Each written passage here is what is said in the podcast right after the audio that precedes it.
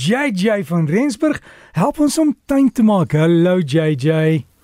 Daar sê goeiemôre, goeiemôre. Junie is die regte tyd om jou Kersrose te snoei. Ons ek praat nie net van jou gewone rose nie, maar ek praat ook van jou Kersrose. Nou as 'n mens die Kersrose te laat snoei, blom hulle glad nie so mooi in die somer nie.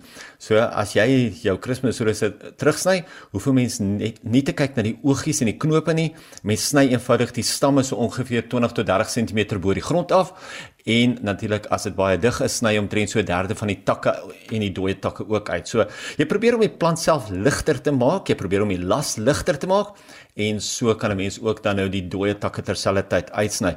Terselfdertyd kan jy ook sommer al die blare wegvat. Jy kan 'n suurkompos laag kan jy oorgooi en jy kan dit liggies inwerk en goed nat maak. Onthou, suurkompos is baie belangrik vir jou Kersrose.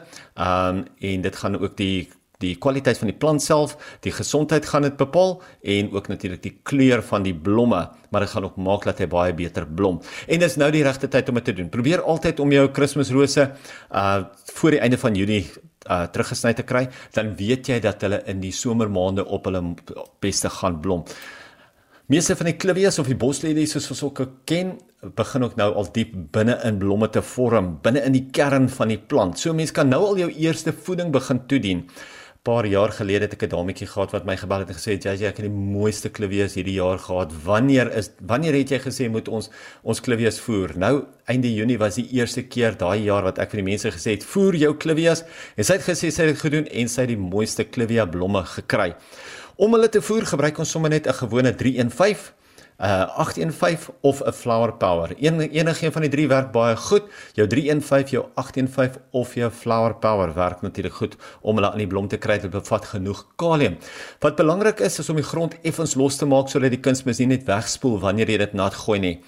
As die klivie grond baie hard geword het. Soos dit maar gewoonlik daai beddings is waar 'n mens nie altyd moeite doen nie, kry mense dat die grond baie hard word om die klivies. So maak dit effens nou los en dan gooi jy die kunsmis en dan gooi dit nat en dan weet jy dit spoel nie net weg nie. Dis ook nou 'n goeie tyd om jou klivies te inspekteer en te behandel vir siektes soos jou dopluise. Almal ken maar hoe die dopluise lyk, klein platte doppies op die blare. Jou wolluise wanneer die blare self begin taai word en jou blaarmyners. Nou onthou die dopluise kom op die blare voor. Hy kan voor of agter op die blare voorkom. Hy kan hy, hy sit mos basies op die blare self vas. Jou wolluise is gewoonlik in die voue van die blare, maar 'n mens kry dit ook gereeld bo op die blare as dit in atriums is of as er as dit in 'n bedding is wat baie min lugbeweging het, kry baie maklik daai wolhuise ook bo op die blare. Dis ook dan wanneer hy so lekker taai is en die teken van blaarmyners is 'n bietjie moeiliker om uit te ken tot 'n mens weet waarvoor hy om te kyk. Nou die blaarmyners self is baie klein. Um maar mense sien heel maklik sy paadjie wat hy in die blaar geloop het binne in die wand van die blaar sal mense sommer sien daar soos die paadjie op en af hoe soos hy die blaar wand van die blaar self skei en dit is wanneer dit 'n blaarmyner genoem word.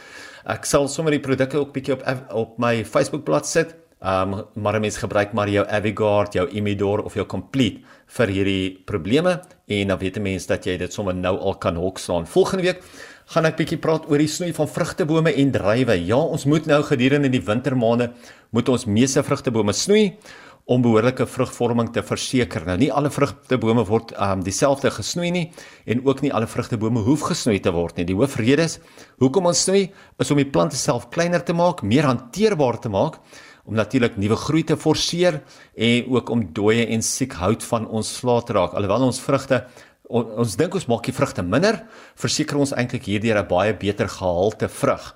Skryf baie keer dat vrugtebome die vrugte speen en baie keer is dit die rede dat daar net te veel vrugte aan die plant self is en dan speen die die plant eerder die vrugte. Hy raak van daai las ontsla.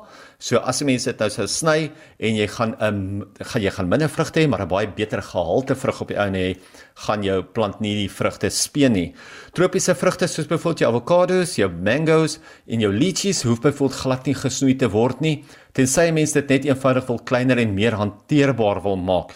Onthou, hulle het nie nodig om gesnoei te word om vrugvorming eintlik aan te help nie of te promoveer nie. Hulle gaan 'n mens net snoei as 'n mens regtig die plant self wil kleiner en meer hanteerbaar maak. En ek weet ook die groot vraag wat mense ook altyd vra is sitrusbome. Wat doen ons met sitrus?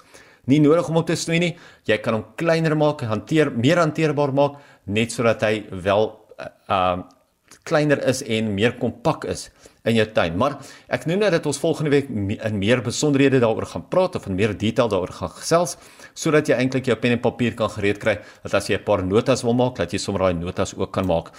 Nou ek praat gereeld van die Camellia sasanqua as die plant van die week. Nou onthou die sasanqua is die Camellia, dis jou Japonietjie met die kleiner donkergroen blaar, maar hierdie week is dit sy groter boetie se beurt. Ek sê nou sy groter boetie want die blare self is bietjie groter of is omtrent dubbel tot drie keer die grootte van die sasanqua en natuurlik groei die plant self ook groter.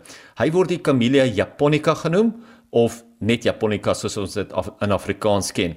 Hy hou van skaduwee, maar hy doen ook goed in gefiltreerde son. Hy hou weer eens ook van die suurgrond, net soos met jou Kersrose en hy hou ook van baie water. Nou, net soos die Sasanqua, soos die kleiner blaar variëteit, is die Japonica ook baie gehard.